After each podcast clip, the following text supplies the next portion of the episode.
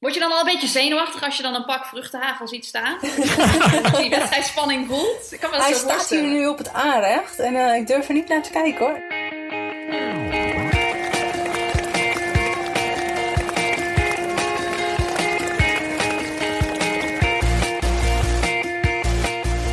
Welkom bij de 46e aflevering van Suzy Q&A, de podcast over hardlopen, training en wedstrijden. Ik ben Olivier Heimel, hoofdredacteur van Runners World. En aan de lijn heb ik Olympisch atlete Susan Crummins, Jill Hotteman en straks ook nog Abdi Nageye. Want we gaan het uiteraard hebben over de Marathon van Valencia dit weekend.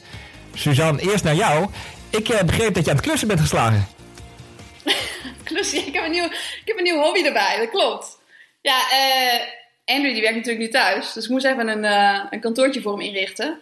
En toen eh, heb ik gewoon eh, ja, een bureau van Ikea gehaald en natuurlijk in elkaar gezet. Maar mensen vonden, waren blijkbaar verbaasd dat ik dat dan in elkaar ging zetten. Maar ik ben hier de technische thuis. Dus eh, ik heb gewoon de hele dag lopen klussen. En toen heeft hij lekker voor me gekookt. En ja, zo werkt het hier gewoon. Maar het is een heel mooi bureau geworden. Hij is erg blij met zijn kantoortje. Is het het bureau waar je nu aan zit? Dus? Nee, het is, het is een bureau waar je ook achter kunt staan met zo'n eh zo'n hendelding. Dus het was nog vrij technisch ook. Maar eh, het is helemaal gelukt en ik heb alles in de goede volgorde gedaan. Want ik heb natuurlijk, voordat ik begon, heb ik naar de instructies gekeken. En die helemaal tot achterin doorgelezen. Dat ik zo precies wist dat ik niet iets verkeerd zou doen. En toen dacht ik, ja, dat is ook weer een typische hardwerkende doelenjager. Die dan, eh, die dan weer vooruit wil plannen. En dan stap voor stap naar het doel. En als ik dan iedere dag als ik dan dat mooie bureau daar zie staan. Dan denk ik van, yes, heb ik mooi gedaan. Ik, eh, ik had dit weekend een optreden en dan moest ik ook nog even iets doen voordat ik optrad. Namelijk de het voor mij, eh, Anouk, eh, die, die was schrijfster van de Running Ninja, ehm, want het was haar boekpresentatie, die was wat kleiner. Dus ze hadden gezegd, je, je moet even, voordat je begint, moet je het ding waarop zij staat, de koffer, moet je even in de lessenaar tillen. En dan kan je beginnen met je verhaal. Alleen die koffer die was gewoon heel zwaar, veel zwaarder dan ik dacht. Dus ik, behoorlijk lang zat ik achter die lessenaar te proberen die koffer erin te tillen. En toen kwam ik opeens omhoog en dat zag er op de video gewoon heel grappig uit. Ja, dat was de mooiste opkomst ever, toch? Ja, nou, ik had hem voor mijn vrouw net stilgezet daar. Dus zij zag me ook letterlijk zo opkomen. En het was een, Het een is net geestig zo'n effect. eh, zo'n illusionist. Het, eh, het viel trouwens nog niet mee, want het was een zaal. Er mochten natuurlijk maar 30 mensen in de zaal. Eh, En ik moest een soort in de livecamera praten. Maar dat was ik natuurlijk niet helemaal gewend. Dus je krijgt dan wat minder feedback dan je hoopt. Bovendien besefte ik halverwege mijn praatje dat ik ooit een sollicitatie... Een, niet heel geslaagde sollicitatie had gehad tegenover dat, die schouwburg. En dat kwam dan ook een beetje bij me terug. Ach ja. Ja. Ja, het was op zich wel een oké sollicitatie. Alleen ik, na een tijdje, en misschien herkennen jullie dat, eh, konden die mensen er geen afscheid meer van nemen dat ik een loper was. Zoals ik stel, stel dat ik iemand zou spreken die zeg maar live action roleplay doet. Weet je dat? Dat je in zo'n Romeins wapenrokje gaat staan en bij Jupiter roept. Dat, dat, je, dan, dat je dan de hele tijd denkt, oh oké, goed cv en zo. Maar iedere zaterdag staat hij in een Romeins rokje. Dus soms is lopen dat voor andere mensen. Oh, Afijn. ja. Ehm, dit allemaal terzijde. Jill, naar jou, eindelijk. Ehm, sep- september vorig jaar besloot jij fulltime atleet te worden. In maart liep je knetterhard bij de CPC. Eh plaats je zo voor het EK in Parijs. Dat ze Pardoes besloten af te lasten. En dit weekend eh, maak je jij eh marathondebuut in Valencia. Daar gaan we het zo uitgebreid over hebben. Maar eerst, wie, waar ben je precies en met wie? Nou, ik zit op dit moment op een ehm, hoogslaper. Dus op, op zo'n, zo'n hoe heet? Zo'n, zo'n hoogslaper. In, eh, in een kamer in Valencia. En ik deel een appartement met Frank Futselaar. En eh, zijn vriendin is ook mee, Lieselot. En oh, Frank vindt het nu nodig om de kamer binnen te komen lopen. Dus dat is top. Ik weet het, ja.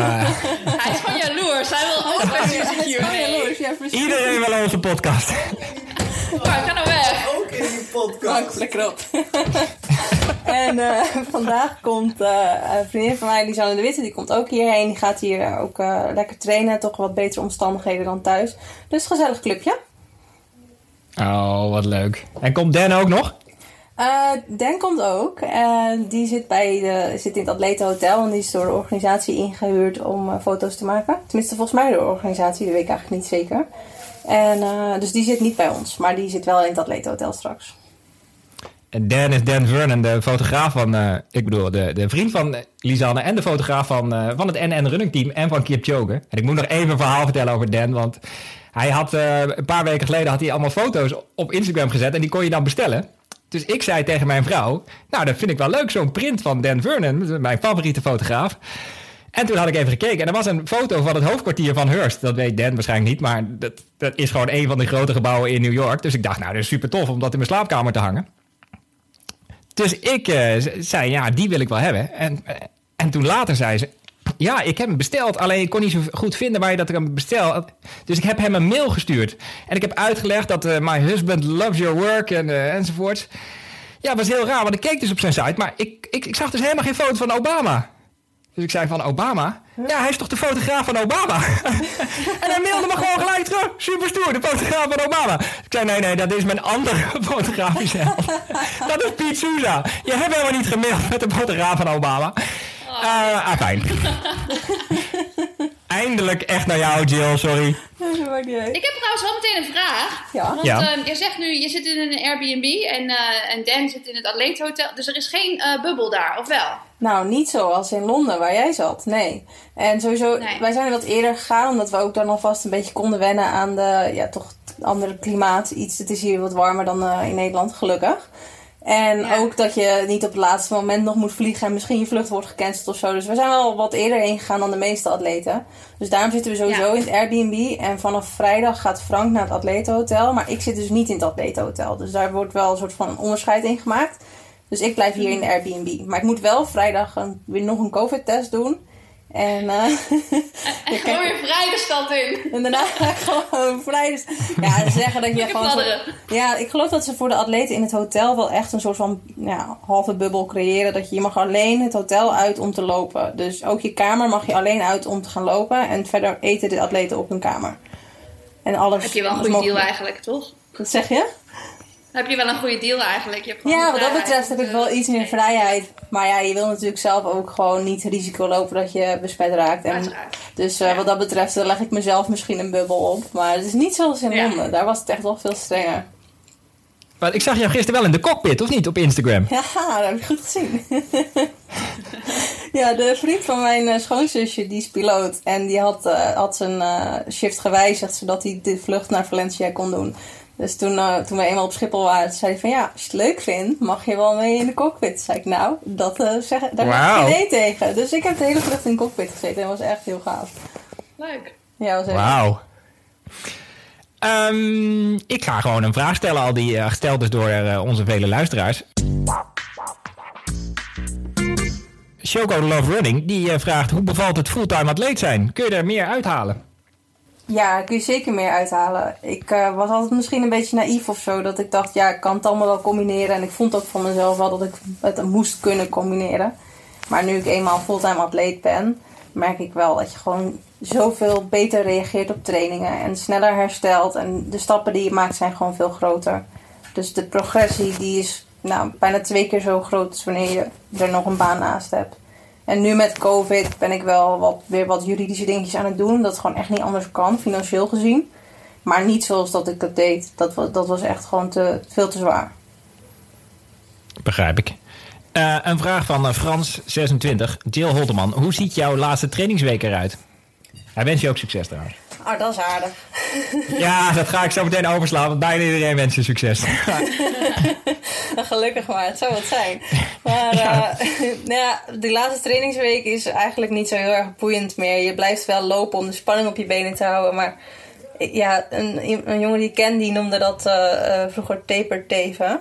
En eh, ik ben wel, denk ik, eh, de definitie van taperteven. Want de laatste week van de wedstrijd wil ik echt het liefst zo min mogelijk doen. Elke training voelt gewoon te veel.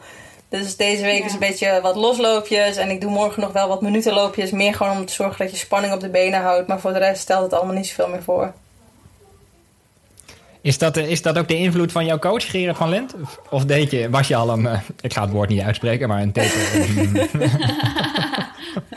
Ja, ik, had, ik heb altijd wel gehad dat ik, dat ik er moeite mee had als, eh, ja, als, als we de laatste week bijvoorbeeld nog een zware training moesten doen. Maar Gerard begrijpt wel heel goed dat ik dat gewoon ook niet prettig vind. En hij weet ook als hij op zondag, de week voor de wedstrijd, nog een zware training erop zet. Die echt nog heftig is, dat ik hem 9 van de 10 keer toch niet afmaak. Omdat ik het gewoon, ja. Ik weet niet, ik zie het nut er dan niet meer van in of zo. Of ik kan het niet meer opbrengen. Ik voel me dan in één keer moe. Ik sta bijna te huilen op de training als ik dat dan nog moet doen. Dus eh, dat wordt er dan niet gezelliger op. Dus meestal, nee, de laatste week echt richting een wedstrijd plant hij gewoon heel bewust een taperweek in en doen we gewoon niet veel meer. Ik heb deze zondag wel nog een, te- een tempo training gedaan, ook omdat ik juist die spanning op de benen een beetje kwijt was. Ehm, omdat mijn Achillespees besloot eh, om een, een kleine opleving te krijgen. Dus ik had een paar dagen niet kunnen lopen. En eh lichte paniekmodus, zoals Suzanne het misschien wel kent. Dus eh, ja. ik had wel voor een wedstrijd wel, dan is het niet zo handig. dus ik had wel gezegd van nou, ik wil deze zondag wilde ik nog wel even een goede tempo training doen. Niet een marathonblok of zo, maar juist iets harder.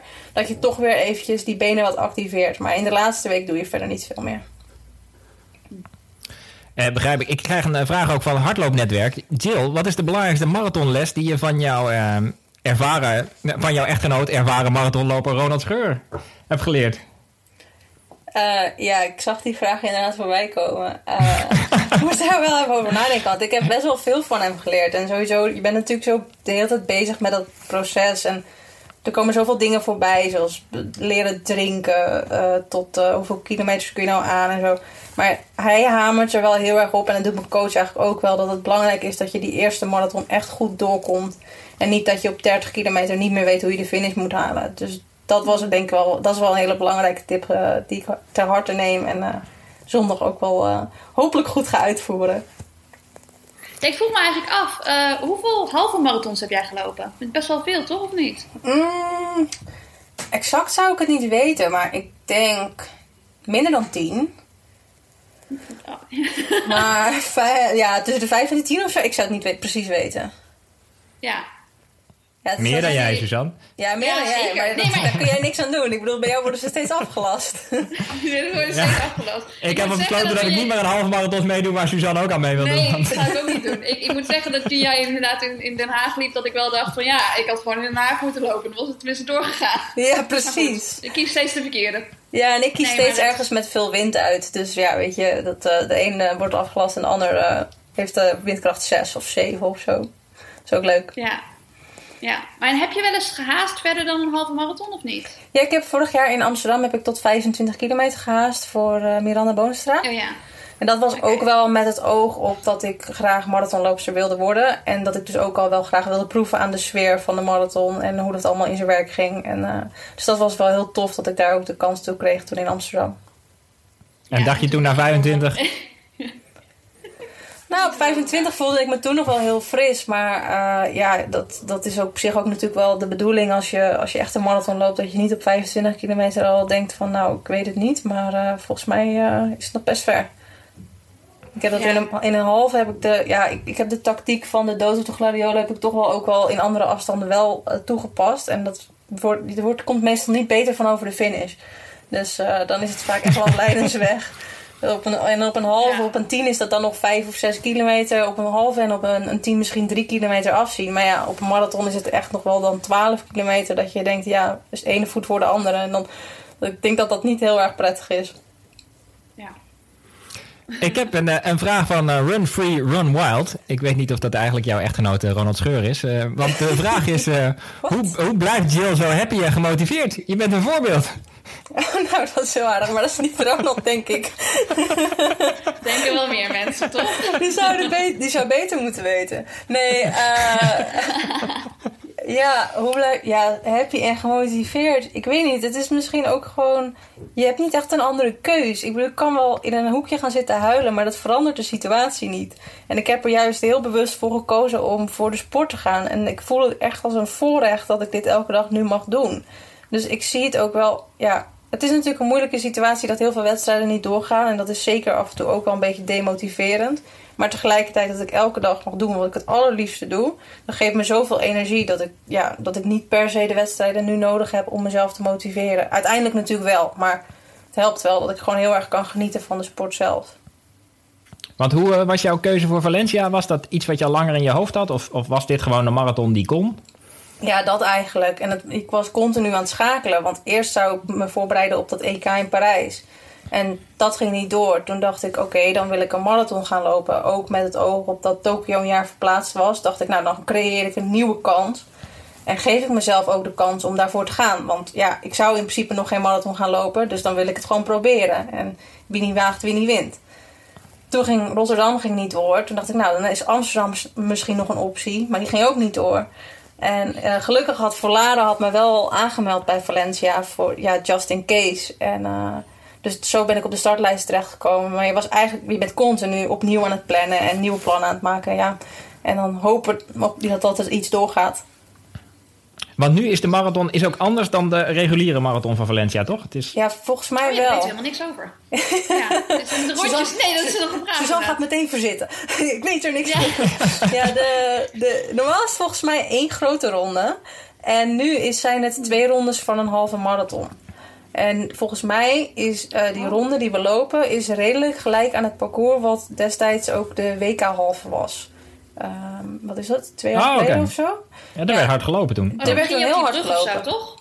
Ja. ja, je finisht uh, vlak voor dat, uh, dat kunstmuseum. Dus met dat blauw en dat water en zo. Echt super mooi. Heel fotogeniek. Ja. Maar ja. dus, uh, dat was een heel snel parcours volgens mij. Want er werd toen heel hard gelopen. Hoewel natuurlijk ja, WK halve sowieso nu ook hard gelopen werd. Ook omdat je een veel grotere dichtheid hebt qua deelnemers dan dat je normaal in een halve hebt. Dus het is niet misschien helemaal een parcours te wijten, maar het is volgens mij wel een snel parcours. En sowieso, Valencia is gewoon een magische stad. Volgens mij is het heel, ja, ik wil zeggen, snel asfalt hebben ze daar volgens mij. Ja, dus ja. Iets, is iets met dat is jouw theorie, snel asfalt. Je hebt, je hebt in het van die atletiekbanen. Je, ja. je, hebt zeg maar je Monaco op de baan en dan heb je Valencia op de weg. Dat is gewoon, ja, ja, er is iets aan die ondergrond. Ja, er zit carbon in, uh, in het asfalt, denk ik. Ja. Dat zal het zijn. Ja. Zeker. het is... Um, ik heb met de enige marathon die ik gelopen heb, waren overigens twee rondjes. En ik, ik vond het wel een beetje lastig, omdat als je dan ergens langs kwam, dan dacht je, over een half marathon ben ik hier gewoon weer. Oh ja, het is wel ver inderdaad. dus probeer dat niet te denken. Oké, okay, maar uh, dat heb je dus niet. Nou, uh, nee, ik vind op zich... Ja, het zijn maar twee rondes. Dus het is niet zoals in Londen waar ze... Hoeveel rondes moesten ze, moesten ze daar? Twintig of zo? Oh god. Suzanne is nog steeds. Ik, ja, inderdaad. Ik ben op een gegeven moment, toen ik te duizelig was, ben ik gewoon uitgestapt. Maar uh, is denk ik inderdaad wel beter dan hele kleine rondjes. En ergens vind ik het ook wel fijn. Dan is bijvoorbeeld de eerste ronde is dan een soort van generale repetitie voor de tweede ronde. Dus dan weet je zo... De tweede ronde weet je precies wat je te wachten staat. Dus ik vind het ja, wel... Zo had ik het moeten de, bekijken, ja. Maar met de drinkposten, die, uh, die staan dan natuurlijk wel gewoon verspreid. Dat is dan wel weer... Uh, ja. Ja, ik weet ook niet hoe ze dat precies gaan doen. Langs, uh, langs een bekertje komt. Nee, ik weet ook niet precies hoe ze het gaan doen met drinkposten. Uh, ik denk dat we dat zaterdag horen, maar er zullen tafels zijn ja. met bidonnen. En ik hoop dat ze een beetje verspreid zijn. Dat er niet 200 bidonnen op een tafel gepleurd zijn. En zoek jou er maar tussenuit. Maar uh, ja. dat komt vast goed. Want er zijn 300 deelnemers of zo? Best, best wel bescheiden, toch? 200? Ja, volgens mij 200 op de marathon en dan inderdaad ook nog een aantal op de halve. Want op de halve gaan ze ook het wereldrecord proberen te verbreken. Um, en op de marathon denk ik dan iets van 200. Wauw. En dan heb je waarschijnlijk wel een groepje die dan... Uh, ja, op welke tijd ga je weg trouwens? Hebben we het niet over gehad, toch? Nee, um, ja, het is ook nog even afwachten wat voor groepen er zijn. Want dat, is nog, ja, dat hoor je allemaal in die technical meeting pas. Eigenlijk de dag van tevoren. Maar ik hoop en verwacht ergens dat er een groep op 2 uur 32 zal zijn. Uh, dus dat zou denk ik op basis van de trainingen die ik gedaan heb, zou dat wel ideaal zijn om daarop weg te gaan. En dan ja, kijken hoe, uh, hoe het dan vanaf 30 voelt. En uh, ja. wie, weet, wie weet zit er dan nog wat in het vat. Of misschien kan ik het tempo vasthouden. Dat zou wel heel vet zijn. Ja. ja wij gaan het volgen. Ik heb een vraag van Jason Balford. Denk je dat het, de afwezigheid van toeschouwers langs het parcours een rol zal spelen? Uh, ja, kijk, normaal gesproken heb je natuurlijk wel echt veel publiek. En dan, ja, dat kan wel een boost geven. Maar dat je nu weer in een wedstrijdsetting überhaupt kan lopen, dat geeft denk ik al superveel energie. En er zijn natuurlijk wel, nou ja, wat ik zeg, 200 deelnemers. Dus je krijgt groepen en je krijgt strijd onderling. Dus ik denk, ja, ik denk niet dat het een hele grote rol zal spelen. Ik denk dat je uiteindelijk toch even goed wel gewoon in die mood komt en strijd. En ja, als je echt stuk aan het gaan bent, dan merk je vaak toch niet eens meer dat het publiek staat. Tenminste, dat heb ik. Ik weet niet hoe Suzanne dat heeft, maar een gegeven moment dan uh, ben ik vooral uh, helemaal in mezelf. ja, ik, maar je weet ook natuurlijk, er zijn natuurlijk niet zoveel wedstrijden op het moment, dus de hele wereld kijkt sowieso mee. Dus het ja, is dat niet, is. Uh, dat is, staat misschien niet langs de kant, maar nou ja, je kan nog steeds voor iedereen laten zien wat je kan. Dus dat is wel, wel een mooie kans, denk ik. Maar in Londen stonden er echt helemaal geen mensen langs de kant. Ik kan me voorstellen dat in Valencia nog best lastig is om een halve marathonparcours helemaal mensen vrij te houden. Ja. ik weet ook niet hoe ze dat gaan doen. Want degene van wie wij dus het Airbnb, de Airbnb huren, die zei dat ze echt maatregelen gaan nemen om publiek te weren. Uh, maar ik zie ook niet hoe je inderdaad 21 kilometer lang uh, misschien militairen langs de kant moet gaan zetten om mensen te weren. Ik, ik denk wel dat er even goed wel hier en daar publiek zal staan op uh, desnoods even uit een Ja, mensen die toevallig boodschappen. Ja. Gewoon vanuit het balkon schreeuwen, dat kan toch wel? Ja, dus ik verwacht dat er nog wel hier en daar wat aanmoedigingen zijn. En er zijn natuurlijk ook wel wat Nederlanders hier die, die vast wel zullen cheeren. Dus daar, dat is wel leuk. Ja. Ik heb ook nog een vraag van Anne Luiten, ons wel bekend. Wat was je zwaarste workout? En is de marathontraining je mee of tegengevallen? Uh, mijn zwaarste workout was denk ik 25 kilometer achter elkaar rondom het marathontempo. En uh, dat vond ik zelf vooral van tevoren vond ik dat best wel uh, een training waar ik tegenop zag. Want ik dacht, ja, geen pauzes. Heb je natuurlijk in de wedstrijd ook niet. Maar ik ben toch wel iemand die in een wedstrijd even twee keer beter is dan in training. Dus ik vond het wel spannend om zo lang achter elkaar rondom dat tempo te lopen. In je, ja, met, met dan één iemand erbij. Uh, inderdaad, zonder publiek helemaal niks. Ook geen wedstrijdsetting. Mm. Uh, dus die vond ik wel het zwaarst. Maar uiteindelijk ging die best wel goed. Dus uh, ik heb daar ook wel weer veel voldoening uit gehaald. En ik vond de marathontraining... Um, ja, ik vond het niet tegenvallen, ook niet meevallen. Het is eigenlijk... Ik, ik, ja, ik vond het gewoon heel erg gaaf om te doen. En ik heb ook wel echt genoten van het proces. En ook om te zien dat je zo snel reageert. Mijn trainingen schoten echt vooruit qua tijden. En mijn niveau ging gewoon heel snel omhoog. Dus dat vond ik eigenlijk wel heel erg leuk om te zien. Dat de trainingen ook heel goed bij mij passen. En dat ik dus kennelijk wel aanleg heb voor de marathon. Al moet dat natuurlijk nog wel een beetje gaan blijken straks ook in de wedstrijd. Maar ik vond, ja, ik vond de voorbereiding wel heel leuk. Ja, maar als je, als je het voor jezelf kunt bewijzen, is het natuurlijk die eerste stap. En ik dacht ook wel, nadat je natuurlijk die halve zo goed had gelopen ondanks dat je dan dat het EK dan wordt afgelast, is het wel dat je daar natuurlijk heel veel vertrouwen uit haalt. Het lijkt me wel dat het toch motiverend is, toch? Ja, absoluut. Die, die wedstrijd heeft me zeker vertrouwen gegeven. En ook het vertrouwen dat ik kan omgaan met een bepaalde druk die ik mezelf had opgelegd. Want ik had van tevoren uitgesproken dat ik een bepaalde tijd wilde lopen. Ja, en dat je dat dan ook vervolgens doet, is gewoon fijn. Want ik heb in het verleden ook wel eens gehad dat ik, dat ik er dan juist heel erg last van had. Dat ik, dat ik dat soort dingen niet durfde uit te spreken. En nu zag ik, ja, maakt niet uit. Ik kan daar gewoon mee dealen. En het lukt mij om, uh, om doelen te verwezenlijken als ik er maar gewoon echt voor ga. Dus dat heeft het me ja. wel bijgebracht, ja. Ja, mooi. En een vraag van Amanda, Amanda's Fit Guide. Wat is je favoriete afstand? En wil je nu echt gaan focussen op de marathon? Nou, ik hoop na zondag dat de marathon mijn favoriete afstand is. maar um, anders uh, oh, vind ik echt moeilijk. Want ik vind alle afstanden hebben wel een, een, bepaalde charme. Ik vind de 10 kilometer vind ik super gaaf. Omdat je gewoon dan echt aan het racen bent. En zo diep kunt gaan. En bij een halve is het al iets gedoseerder. Maar ook dan kun je wel een mooie strijd hebben. En tegelijkertijd vind ik ook een 1500 vind ik een super mooie afstand. Ook om naar te kijken, maar ook om te doen. Ja, de laatste 100 meter vind ik dan minder leuk misschien. Maar ik vind elke, elke afstand heeft wel zijn eigen charme. Dus om dan echt een favoriet te kiezen. Mm, ik denk ja, toch tien en halve. Omdat het wel langer is, maar wel die strijd heeft. En ik hoop wel na komende zondag dat ik kan zeggen: hé, hey, ik voel mijn marathonloop. Dus ik heb hier echt wel aanleg voor. En ik heb, ja, ik heb er plezier in. Hier wil ik wel meer van. Ja, maar dan kun je al nog in de aanloop kun je toch gewoon die halve en die tiens blijven doen. Ja, sowieso. Marathon, dus dat is, dat is ja, ook gewoon belangrijk. manieren natuurlijk. Ja, Ja. je moet ook wel die tien en die halve blijven verbeteren. Want anders dan loop je op een gegeven moment tegen een grens aan. Dus je moet ook wel blijven werken aan die tien en die halve. Dus die zal ik gelukkig Ja. altijd wel blijven doen. Over de 1500 meter, je noemde hem even gesproken. Ehm, je hebt een mededebutant dit weekend, namelijk eh, de wereldrecordhoudster op die afstand. Genzebe Dibaba. Ja, dat klopt. Heb je er al gezien? Maar zij gaat op de, op de halve debuteren, toch? Niet op de. Niet op Oh, marathon. ik dacht op de Ja, dat marathon. denk ik ook. Ja. Ah, ik denk al. Ik had zo'n gouden tip dat je het niet op de laatste 100 meter moest laten aankomen. Maar Maar als je de eerste ronde bij haar zit, dan ben je te hard gestart. eh, we gaan snel door naar, naar, naar de volgende vraag. Jan Verhulst vraagt: hoe ziet je ontbijt eruit op de dag van de marathon? Oh, heel saai. Eh race day ontbijt is echt niet, niet het allerlekkerste ontbijt wat er is. Dat is dus witte broodjes met vruchtenhagel. Dus dat is Oh, Maar heb je het meegenomen? Dat vind ik, echt, vind ik wel interessant. Dat is, eh, heb je die broodjes nu al mee? Of, of je gaat dan Nee, de- broodjes halen in, eh, in Valencia? Nee, de vruchtenhagel heb ik wel meegenomen. Want ik dacht, ja, dat hebben ze vast niet in Valencia. Dat denk maar, ik ook niet. maar brood ga ik wel gewoon eh, hier kopen. Want eh, anders zit Ja. je oud brood te kanen. En dan denk ik dat ik het echt helemaal niet wegkrijg.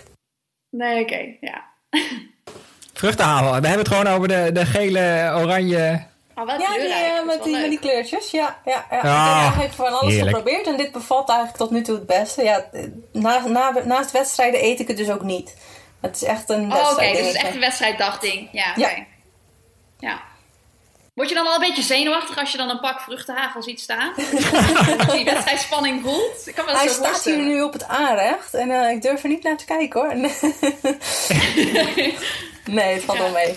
Nee, ik, eh, ja, het is gewoon echt een wedstrijddingetje, maar meer gewoon omdat het praktisch is. Het, is, het zijn wel suikers, maar het, je krijgt er geen last van onderweg. En eh, dat is Ja. met broodbeleg gewoon wel, eh, ja, als je, als je je ontbijt eet, wil je iets eten wat licht verteerbaar is, maar waar je wel energie van krijgt. Dus nou ja, met een beetje trial and error en ook wel een aantal keer error ben ik erachter gekomen dat dit voor mij werkt. Want de error was gestampte muisjes? Of? Nee, ik ben een keer teruggekomen uit Mexico eh, van een trainingskamp. En toen had ik wel, ik was wel een beetje jetlagged. Dus ik was niet helemaal scherp bij het ontbijt toen voor een halve marathon van Egmond. En toen heb ik echt alle dingen gegeten die je gewoon ongeveer niet moet eten. Ik geloof dat ik gekookt ei heb gegeten, yoghurt met muesli en vruchten. Oh, wauw. En echt, ik was gewoon echt niet vezels. Heel veel vezels. En eh, ja, dat, eh, dan, dan, dan eindig je dus in de bosjes. Dat is echt heel vervelend. Ja. Mm, zonde. Nog een vraag van uh, Prispel. Ik ga de volgende keer toch even kijken waar dit vandaan komt. Want het is pris.pel. Jill, wat is het eerste wat je na de race gaat doen? Ehm, nou, waarschijnlijk een rolstoel huren. en, Beentje zo hoog. nou, ik heb mijn zinnen wel een beetje gezet op eh, Elja met Sangria eigenlijk. Dat eh, leek me Oh, wel een ja. goede manier om, eh, om deze periode af te sluiten. En zeker hier. Ja. Ja. Eh, nou, dan heb ik nog een slotvraag eigenlijk. Keer je, keer je nog terug in de advocatuur? Uiteindelijk wel, denk ik. Eh, ik vond het een super mooi vak, maar het past gewoon niet nu bij de keuzes die ik heb gemaakt. Dus ik verwacht wel dat ik weer terug zal keren. Zeker. Ja, het is een beetje mijn persoonlijke hang want ik ben helemaal geen jurist. Maar ik vind ook Heijmal en Holterman wel heel goed klinken voor een advocatenkantoor. dus, eh, dan moet je toch, toch zelf eventjes nog de studie gaan doen. Ja, ja. het is wel een klusje, toch? Het duurt even, ja. Hey, ik heb nog een vraag voor jou, Olivier. Want ik zit Oh, denken, we hebben, het- we hebben het altijd over like, wat, wat ik voor mijn ontbijt eet, voor een wedstrijd. Wat Jill eet, andere gasten. Heb jij eigenlijk een, een standaard ontbijt? Vroeg me af. Nee, ik zat net ook te denken of ik, een- of ik een vast ontbijt heb voor de wedstrijd. Nee. nee, maar ik vind het echt niet zo heel makkelijk om dingen te eten voor de wedstrijd. Oké, dus, maar als je marathon eet, dan, eh, eet als je marathon loopt, Marathon for je- breakfast, ja. Nee, dan heb ik wel het een en ander gegeten, maar wat ik dan precies gegeten heb, weet ik niet. Ik Oh, weet wel dat ik voor die enige marathon die ik liep, eh, was ik bij mijn ouders. Ja. En ik had er eigenlijk helemaal niet over nagedacht dat die natuurlijk wel hele andere ontbijtspullen in huis halen dan, dan ik zelf in huis had. Daar- Jill, Jill heeft er duidelijk beter over nagedacht. door de vruchtenhagel alvast mee te nemen. Dus eh, Maar wat ik heb denk. je toen gegeten dan? Ja, dat weet ik echt niet meer. Eh, Crackers, Oh. denk ik. Ik ben gek op crackers. Gek op crackers. Oké. En al- alvast, ja, en ik had me ook voorgenomen. Ik had ergens gelezen dat je alvast eh, zo'n eh, fles eh, Morten weg moest eh, slaan twee uur voor de start. Oh, dus jij bent gewoon van de sport, eh sportvoer. Ja, maar dat is best een heftig spul. Als je dus nog niet beweegt en al wel al die suikers binnenkrijgt, dan. eh, ja, het is goed dat die marathon niet werd afgelast. Ja, ik voel me ook altijd eh, op de ochtend van de wedstrijd een soort junkie op weg naar zijn nieuwe adrenaline shot of zo. Dat je, je zit vol met koffie en suikers en weet ik het wat. En dan je voelt je gewoon helemaal een beetje shaky van dat je denkt van ik moet nu echt gaan rennen. Want anders weet ik niet wat ik met die energie moet. Ja, maar uiteindelijk is hardlopen ook gewoon een hele ernstige verslaving. Die we gewoon eh serieus Ja. moeten nemen. ja, daarom, daarom zijn die gesprekken in de startpak ook altijd zo ontzettend slecht. Want je staat zeg maar met, met mede-addicts, sta je daar een beetje zo. eh, Ja, ik kan echt tot de volgende shot. En dan staat iedereen ook nog even te zeggen: Nou, ik, eh, ik denk niet dat het heel goed gaat vandaag. Bij jou wel? Ja. Ja, dat hebben jullie voor in het eerste vak waarschijnlijk niet. Maar bij ons in het vak gaat het altijd over waarom het vandaag misschien iets minder goed gaat dan, dan je vooraf dacht. Ja, de, Oh, excu mooi. Ik de bij excuustruus. moeten hangen. Nou, eh Jill, doe ook de hartelijke groet aan Frank. Dat zal ik doen. Hij eh, is gelukkig niet nog een keer binnengekomen, maar ik zal het doen. Aandacht opeisen. En dan eh, wensen we jou heel veel succes eh, dit weekend. Ja, dankjewel. Ja, gaan het volgen. Ik ga mijn best doen. Ja. Ja. Ehm, en waren er nog dingen die we vergeten zijn om aan bod te laten komen? Volgens mij heb ik de meeste vragen wel gehad. Was er nog een vraag over? Een vraag over? Wanneer, Oh. wanneer ben je tevreden? Volgens mij heb ik zoiets voorbij zien komen. Oeh. Uh, ja, dat is moeilijk, want ik ben altijd best wel veel eisend. En soms zet ik ook wel doelen die niet altijd realistisch zijn. Maar ik denk als ik de wedstrijd goed kan uitvoeren, waarbij ik dus uh, ja, het liefst een negatieve split loop, dan ben ik al wel tevreden, maar wel zo hard mogelijk. Dus ik ga weg op een tijd van 2,32 en daar zou ik echt wel heel tevreden mee zijn. Um, en als ik misschien 2,33 loop, maar ik heb wel echt alles uit mezelf gehaald die dag, zal ik ook tevreden zijn. Ik denk dat dat het belangrijkste is. Dat ik het gevoel heb dat ik er echt alles uit heb gehaald wat er die dag in zit. En als ik natuurlijk te hard start en ik ga op een hoop, ja, dan haal je er niet alles uit en dan zal ik niet tevreden zijn. Begrijp ik. Het is ook wel heel goed om een taak te hebben per zelfs op de 800 meter probeer ik echt een taak te hebben per 200 meter, zeg maar. Dus dat je eerst zorgt dat je goed in je slag komt, of hoe je het ook ja. Dus heb je voor de marathon ook zo'n soort plan? Ja, op zich, ik deel mijn races vaak inderdaad wel een beetje op in stukken. Dus de eerste, eerste kwart of zo probeer ik een beetje uh, energie uit mijn omgeving te halen. Dus uh, te genieten van nou ja, dat je daar mag zijn. Of dat je vrienden en familie langs de kant stonden, zoals in CPC. Nou, dat is nu natuurlijk niet zo, maar wel het feit dat ik hier mag lopen. En het is gewoon een gave stad ook. Dus dan haal je meer energie uit de omgeving. En daarna ga ik iets meer focussen op um, de groep. En dat het tempo wel gecontroleerd blijft voelen. Maar dat je nog niet heel erg aan het pushen bent. Ja, en vanaf drie kwart van de race, dan is het gewoon pushen. En dan is het ja, proberen om echt uh, nog even alles eruit overleven. te... Ja, overleven. maar ook wel weer gewoon van ja, kijken of wat er nog in zit. En, uh, en alles eruit ja. halen wat er dan nog echt eruit geperst kan worden. Dus dat is vaak wel een beetje hoe ik mijn beste races loop. Suzanne, jij als uh, hardnekkige doelenzoeker, of hoe het ook heet, nou, je hebt vast een doel per, per kilometer? Of? Maar we zijn dezelfde. Uh, Jill is ook een hard, ja, Jill is ook een hardwerkende doelenjager. Oh, kijk. Dus, ja, zeker. Hardwerkende doelenjager. Ik ga het gewoon ergens ophangen hier. Ik ga het nooit meer fout zeggen. Het is wel mooi wat Jill ook zegt. Um, het is moeilijk te vragen wanneer je tevreden bent, als je jezelf ook wel eens doelen stelt die niet realistisch zijn. Maar dat is eigenlijk de enige manier om echt het maximale eruit te halen. Dus ik vind dat wel mooi. Want dan ja, je dream big, weet je wel. Dus als je, als je, als je altijd realistisch bent, dan, dan kun je ook niet zoveel ervan verwachten eigenlijk.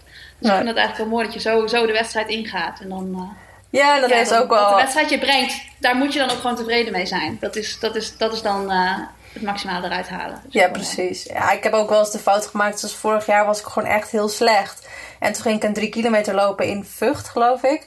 En uh, nee, dat weet ik trouwens wel zeker, dat was in Vught. En toen had ik mezelf een doel gesteld van ja, ik dacht dat ik echt even goed nog wel 9,30 kon lopen. Terwijl ik had echt niet getraind, ik, want ik was de hele tijd eruit geweest.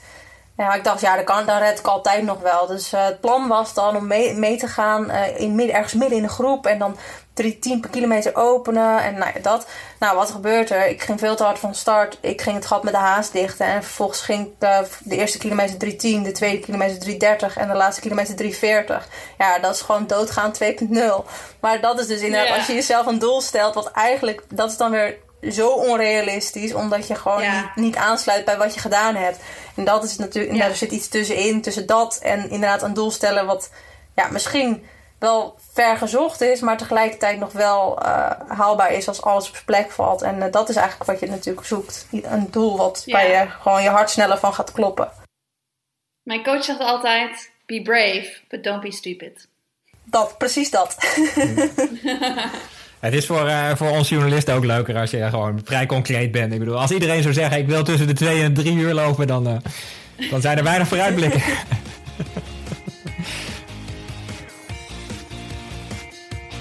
Abdi, waar, uh, hoe is het met je? Ja, goed. Ik moest timen. Mijn fysio die zei ook van... Hallo, gaan we aan de bak? Laatste massage. Gewoon tijdens de behandeling. en, uh, maar ja, ik, ik dacht... Voor de luisteraars, je ligt nu op een massagebank. ja, het was al drie kwartier. Toen zei hij, uh, Abdi, we moeten nu wel... Uh, tijdens de massage mag je wel lullen. nice. Oh, top. Uh, want jij bent nog in Kenia op dit moment. Ja, ik ben nog in Kenia. Uh, we vliegen morgen, morgenmiddag naar Nairobi. En dan uh, één minuut voor ehm, donderdag eigenlijk vliegen we naar Nederland. naar ja, eerst Amsterdam en dan Valencia. Oh, hele reis. Ja. En je teamgenoten gaan met je mee? Die gaan ook over Amsterdam? Of? Ja, ja, met z'n allen. We zijn hier nu met z'n achten. Dan hebben we nog twee andere jongens die met ons samen trainen. Mike Keegan bijvoorbeeld. Die liep Europese record toen, die voor Turkije mm -hmm. loopt. Uh, en uh, Lucas, die is ook van Michel Boeting. En uh, dus met z'n tien hebben we hier samen getraind. Dus we komen met een grote groep. Wauw. Heb je er zin in? Heel veel zin in. We, wat, wat, wat nog een beetje spannender maakt, is we hebben met z'n allen eh, maandag eh coronatest gedaan. En we krijgen de uitslag morgen als het goed is. En eh, ja, ben je positief, mag je Ah. niet vliegen. Het is ook geen eh, wedstrijd. Dus iedereen is zo van Judgment Day morgen. Dus eh niks is nog zeker eigenlijk. Want hoe, hoe was dat? Was jij in het voorjaar al in topvorm en eh, heb je dat eh, doorgetrokken? Of, ehm, Ehm, nee, nee, ik heb, ik heb op een gegeven moment echt heel lang rust genomen. Ik denk toen Amsterdam, Rotterdam werd afgemeld, had ik echt zoiets van, nou, ik, ik denk ook niet dat de Olympische Spelen doorgaan. Ehm, toen heb ik wat rust genomen. Ehm, nee, na Rotterdam was het eigenlijk ja, veel eerder eh, afgemeld, afgelast. En toen had ik heel lang rust genomen, begon ik voor de Olympische Spelen. En in mei was het ook weer afgelast, dus ik had eigenlijk bijna 2,5 maanden bijna niks gedaan. En toen ehm, ja, alles eh, erop gezet om Amsterdam goed te lopen. Ik had weer de energie. Je hebt er lang rust gehad, dus dan was het prima. En dan ehm, ja, hoor je dat, die, eh, niet doorgaat. Ik dacht echt wel dat het doorging, naar Londen bijvoorbeeld. Ehm, en en dan, moet- ja, dan moet je weer de knop eh, omzetten, wat rust nemen. Ik kwam tien dagen naar Nederland om te doen alsof ik even eruit ben geweest. Weer de landen in en weer beginnen met, eh, met trainen. Nice. Hoe lang heb je daar nu gezeten? Eh, ik, ehm, nu eh, was dat, was bijna 2,5 maanden. Dus dat was ehm, ja, begin september. Ah ja, dus een Ja. flinke, lange voorbereiding. Dat is mooi. Ja, zeker. Ja. ik ben enorm onder de indruk van je krulsnoor trouwens. Hoeveel werk is dat Dit is geweest? een nieuwe wedstrijdlook. Dus, ik, ze- ik zei laatst, ik ben aan het eh, eh, protesteren, zei ik. Tot we wedstrijd hebben ga ik eh, niks scheren. dus, eh, dus nu, ja, morgen is het tijd. Oh, dus dat betekent voor de wedstrijd gaat hij zei, ga je eraf. nou echt volhouden? Is, is misschien ook niet, Ja, niet, zeker, eh, zeker, is het niet aerodynamisch? Of eh, denk je van, je vindt het toch niet zo mooi dat je er een wedstrijd mee wil lopen? Nou, ik, ik hoor je verliest heel veel, ehm, veel eh, ehm, ehm, hoe heet dat? Ehm, eh, je, je, je, je is de koeling, dus je moet, eh, je, je, je heat moet je wel kwijt, dus je moet wel, eh, dus met zo'n dikke krul is het niet verstandig. Oh, die gast gaat dik diep in mijn hamstring. Ah, Ja. daar ga ik in de fout, merk ik. Hey, ehm, Abdi, je hebt eerder gezegd dat jouw doel ehm, een, een minuut onder het Nederlands record is. ja? Heb je dan ook een schema in je hoofd en zo? Of ehm, is het meer, we zien het wel? Ehm, nou, ik, ik ga met de eerste groep mee en die gaan echt eh, heel hard, ehm, komen ze heel hard door. 61,5, dat is de, dat is de plan. Maar ik heb geen andere keuze. De tweede groep is 63. En ik heb zoiets van, eh ja, Valencia is heel snel. Ik hoop dat ik niet helemaal kapot eh, ga. We zijn met een grote groep. Dus ik, ik ga, ehm, ja, eigenlijk, ik mag gewoon veel risico's, eh, risico's nemen nu. En, ehm, maar het is wel best eng eigenlijk. Dat je denkt, oké, Ja, dat is 2-3. Eigenlijk is het- daar nu klaar voor. Ik wilde zeggen, eigenlijk is het wel fijn dat je geen keuze hebt. Want als, je dan, als er dan wel net een groep tussen zat, dan, dan zou je misschien voor het veilige kiezen. En dan weet je het ook nooit, toch? Dus het is eh, wel, een, ja, wel spannend, kan ik me Ja, voorstellen. nee, absoluut, absoluut. Ja. ja. En ik heb even voor je opgezocht, er is al 2-3 gelopen in Valencia. Dus het is gewoon best een snel parcours. ja. Hoewel het nu natuurlijk een iets ander Ook als ik naar is. Berlijn ga, ja, ze hebben twee ingelopen Ja. daar. Ja, we, hadden, Maar, eh, we hadden het daarover dat de weg daar wel heel snel is. Het is een snelle weg. Altijd een snel parcours in, in Valencia. Ja, nee, absoluut, absoluut. Ehm, en, en eigenlijk echt wat mij nu een beetje geruststelt... is dat we gewoon met een grote groep daar zijn. En, eh, en ik, ik weet zeker dat heel veel Kenianen en Ethiopiërs... die gaan gewoon blind met, eh, met de kopgroep. Ja, En, ehm, en ik heb zoiets van, ja, na, na 25 kilometer gaan zeker mensen eraf vallen. ja. En bij 30 moet ik gewoon, ja, gewoon goed naar mijn lichaam luisteren. Maar ook niet te. Maar ja, ik wil ook gewoon... Ik wil niet stuk, zeg maar. Ja. En marathon ben je toch altijd wel bang van... eh, dat, je, ja, dat je gewoon goed je energie verdeelt. En dat je niet straks... ehm, ja, Ja. richting eh 330 gaat lopen. Ja, dus niet blind eh Sjaak aanhaken. En, en, maar je hebt meer zoiets van: het is niet erg als je in de tweede helft wat alleen komt te zitten. als je maar eh, je eigen tempo loopt. Ja, absoluut, absoluut. En dan kan, dan kan je echt wel naar mensen toe lopen. Ja. En, dus ja, dat je gewoon wat, wat je energie voor... Kijk, je- mensen als Berhanu, die wilden in Berlijn al wereldrecord lopen. Berhanu Legesse, ja, van NN, ja, uit Ethiopië. Eh, die ging ook een beetje stuk. Toen kwam Bekele eh, voorbij. Maar die, ja, snel het parcours ook. Eh, die was niet in- in- toen in topvorm, begreep ik. Die had niet goed verdeeld. Dus ik ga ook vanuit dat hij na 61, na 61,5 denkt van... oké, we gaan nu even 61 blank van maken of zo. Dus da- daar moet je ook voor me- mee oppassen. En, ehm, maar ja, zoals Suzanne zei, ja, ik heb gewoon geen keuze. En dat is misschien goed. gewoon, eh, gewoon beuken. Ja, mooi. We hebben heel veel vragen van eh, lezers eh, gehad, luisteraars moet ik zeggen. De eerste vraag die ik even meepak. ehm, hoe is het voor een topmannen marathonloper om twee rondjes te lopen in plaats van één grote ronde? Is dat een voordeel, een nadeel? Ik heb mijn allereerste marathon eh, twee rondjes gelopen. Dat was Enschede. Toen vond ik het eigenlijk fijn. Oh ja. want je, ja, je wist op een gegeven moment... je wist gewoon de parcours een beetje. Ook als ik Amsterdam een paar keer heb gelopen... Vaak, ja, misschien ben je te moe of zo. Of je, ben- ja, je- dan ben je niet lang geweest. Dan, dan weet je niet echt waar je eigenlijk op een gegeven moment bent. Maar als je twee rondjes loopt, dan weet je exact gewoon... Ja, nu vijf kilometer te gaan, nu drie kilometer te gaan. Ja. Alsof je echt eh, de, de parcours dan kent. En Rio de Janeiro was ook eh, drie rondjes, dacht ik. Dus voor mij ehm, op zich niet erg. Oké, en een hele specifieke vraag van Tom Heikoop. Vaporflies of alphaflies? Want veel eh, atleten gaan terug naar de Vaporfly, hebben wij begrepen. Ja, ik heb nog eh, gisteravond, dat was het eergisteren, zat ik met mijn manager Jury te appen van... eh Jury, ik zie dat heel veel atleten met die eh Vaporfly lopen. What's going on? en New Delhi liepen ze laatst. En ehm, ja, heel lastig. Ik vind het zelf ook lastig. Ik heb een paar keer opgelopen, de baantrainingen, de, de, de Alpha. Ehm, je hebt gewoon het gevoel dat je met, met, met, met de oudere versie gewoon contact met de grond hebt. En met deze net niet. Dus ook, ook als ik denk ook als het echt op een gegeven moment sprinten aankomt, dat je ook verliest eh, dat, dat, eh, dat de Vaporfly wint. Want dan kan je gewoon net, gewoon pam, heel snel weg. Die Ja. andere is gewoon pam, pam, pam, pam, weet je wel. Dus ja, eh, maar ik denk, ja, ik kan, ik kan nu wel risico nemen. Eh, beter nu proberen en kijken, want ik heb, ik heb er niet echt last van gehad. Met gravel, als we dan onverharde wegen liepen, ging je wel vaak hier door mijn enkel. Ja, maar dat is wel En, anders dan, eh, dan Valencia. Deze, weet deze visio alles van. Oh, ja. ja. Ja, en nu, nu heb je gewoon asfalt. En eh, ik denk dat ik gewoon met Alfa ga lopen. En gewoon kijken hoe, eh, hoe het is. Ja, ook veel minder 30 bochten natuurlijk, hè? Toen liep, toen liep... Oh, sorry. Ja, oh, dat is nog fijn. Dus, eh, want ik heb echt... Ik weet niet hoe, hoe zwak mijn enkels zijn, maar... ik ging een paar keer echt door, keihard door mijn enkels. Maar je hoeft alleen maar En, gewoon recht ehm, doorlopen. Dus ja, ik ga... Ik ga ja, ja, maar het is lastig. Het is een lastige keuze. Ik, ik zag gewoon echt heel veel atleten. En, en, en atleten die eh, hier ook... eh, welke, om welke ga je lopen? Ik, ik weet het niet, geen idee. Ja. Maar eh, ja, het speelt wel bij iedereen. Dus dat is wel eh, grappig. Want bij de Alpha Fly denk ik dan altijd een Elliot Kipchoge eigenlijk. Heb je die nog gesproken naar Londen? Heb je me een beetje moed in kunnen praten? Eh, zeker.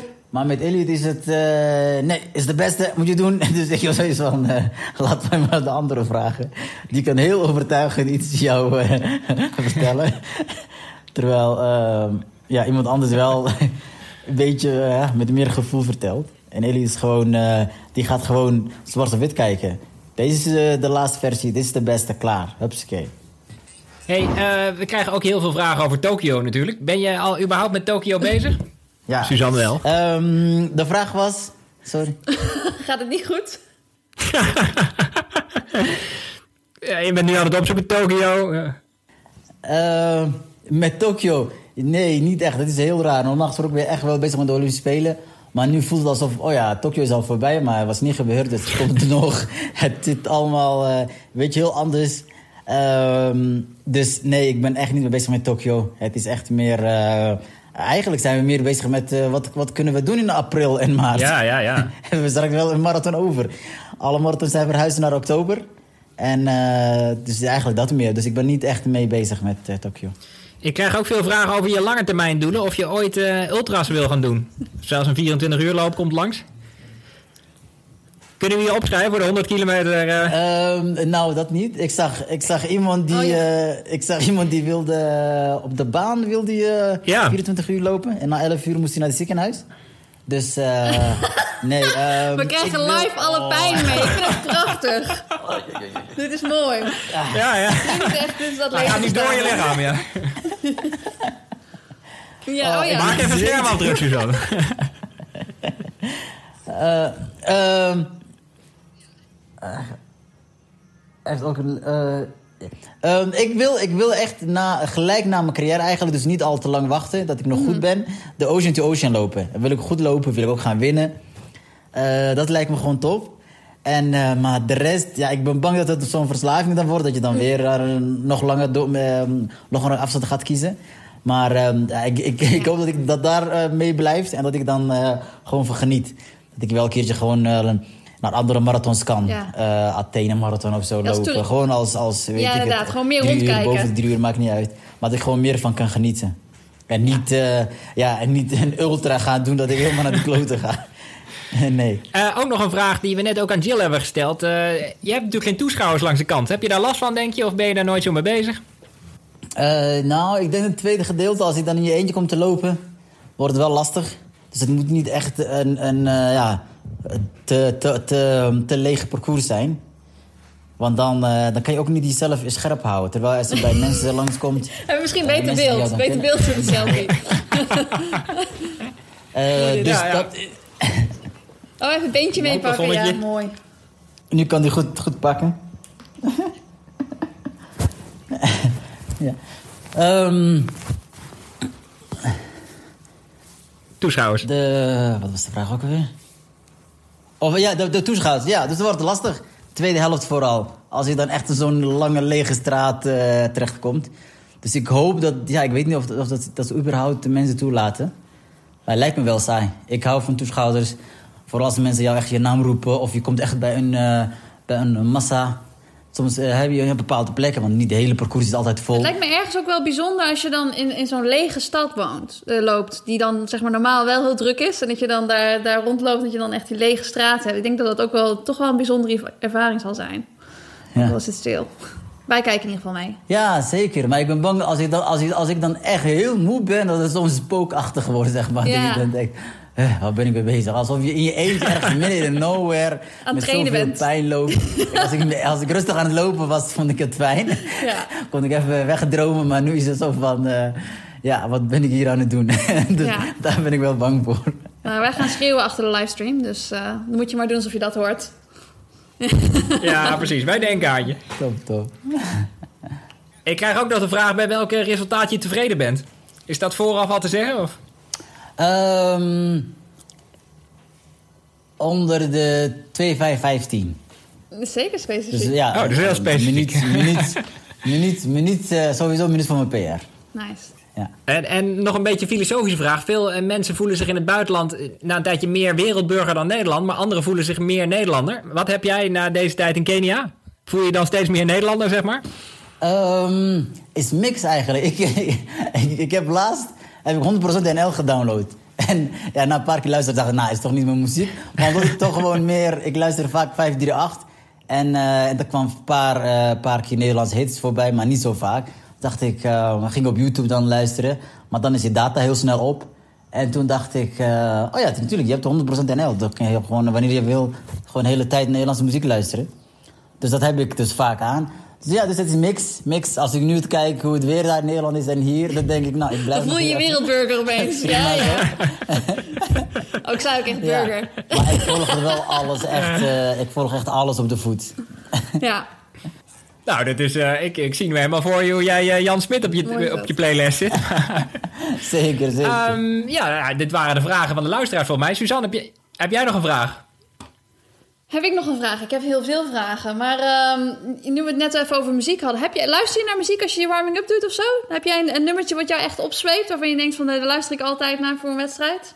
Nee, nee. Eigenlijk, in- toen ik in Nederland was, had ik wel altijd dat gevoel, zeg maar, dat je elke keer wel muziek wil luisteren. Iedereen heeft zo'n koptelefoon. Maar hier in Kenia train je met 60 man. Mhm.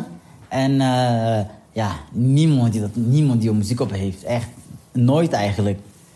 Nee. Dus je, loopt met... eh, Ook niet voor een wedstrijd. Dus ook gewoon dat je samen de warming-up doet. Ja, ja, en met elkaar praten.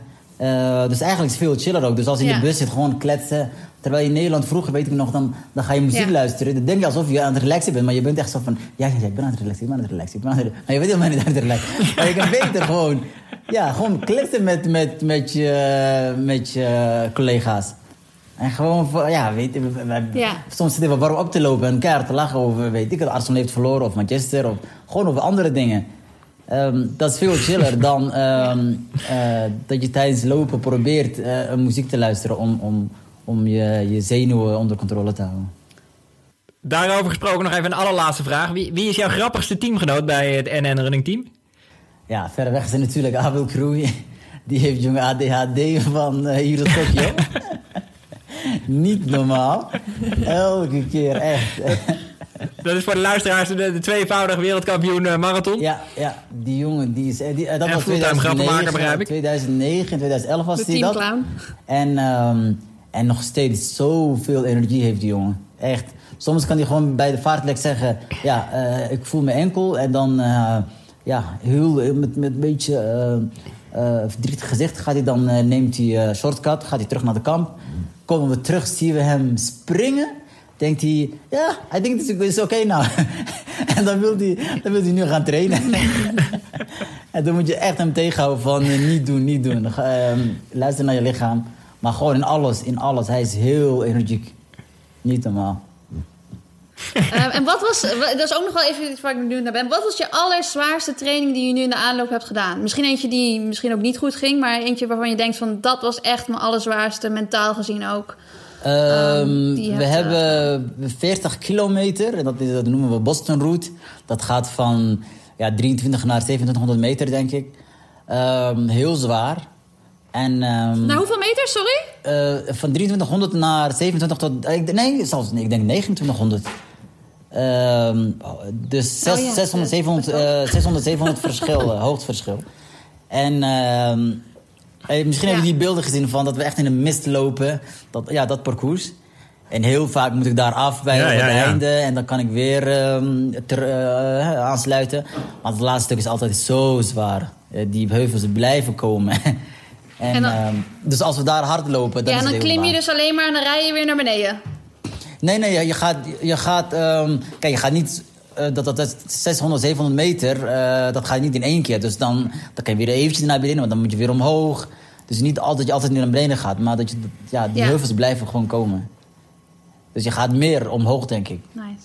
Ik wou laatst een trainingje van mij op eh, Strava zetten met eh goede heuveltraining. Maar dat was 12 meter hoogteverschil. Maar ik begrijp dat jij dus wel... Dat wil ik zeggen. In Hilversum red je er ook niet, want je wil heel vaak de brug over. Nou, gaan we weer. Ja.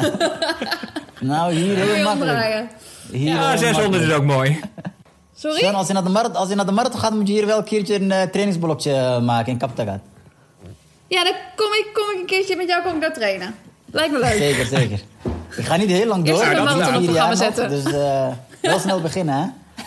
Ja, nee ik, ga, nee, ik ga nog heel lang door, joh. Wees niet bang. Ik word nog gewoon marathonloper. Mooi, Tot snel dan. Tot snel. Ja. bye, bedankt. Oké. Geen dank. Dankjewel, hè. Doeg. Doei, doei. Bye, bye. Nou, dat was leuk. Ja, inderdaad. We weten gelijk waar jij gaat trainen voor je marathon. En ehm, wij hebben eigenlijk nog maar één rubriek vandaag, namelijk het woord van de week. En ik dacht aan kerstmis, want volgens mij is het best wel uniek dat jij nu met kerst in Nederland bent. Ja, dat klopt. Ik zit meestal in het buitenland. Ik zat dus te denken... Van 2009 tot 2019 heb ik één keer kerst in Nederland gevierd... en eh, negen keer in Australië. Nou, er komt nu dus weer een Nederlandse kerst bij. Maar ik denk wel dat die een klein beetje anders wordt dan andere jaren. Dus eh, ja, maar goed. Wel in Nederland. Ja, en eh, want ik bedoel, in Australië kunnen heel veel dingen veel beter dan wij, ongetwijfeld. Maar Ja. kerstvieren lijkt me daar toch een beetje behelpen, toch?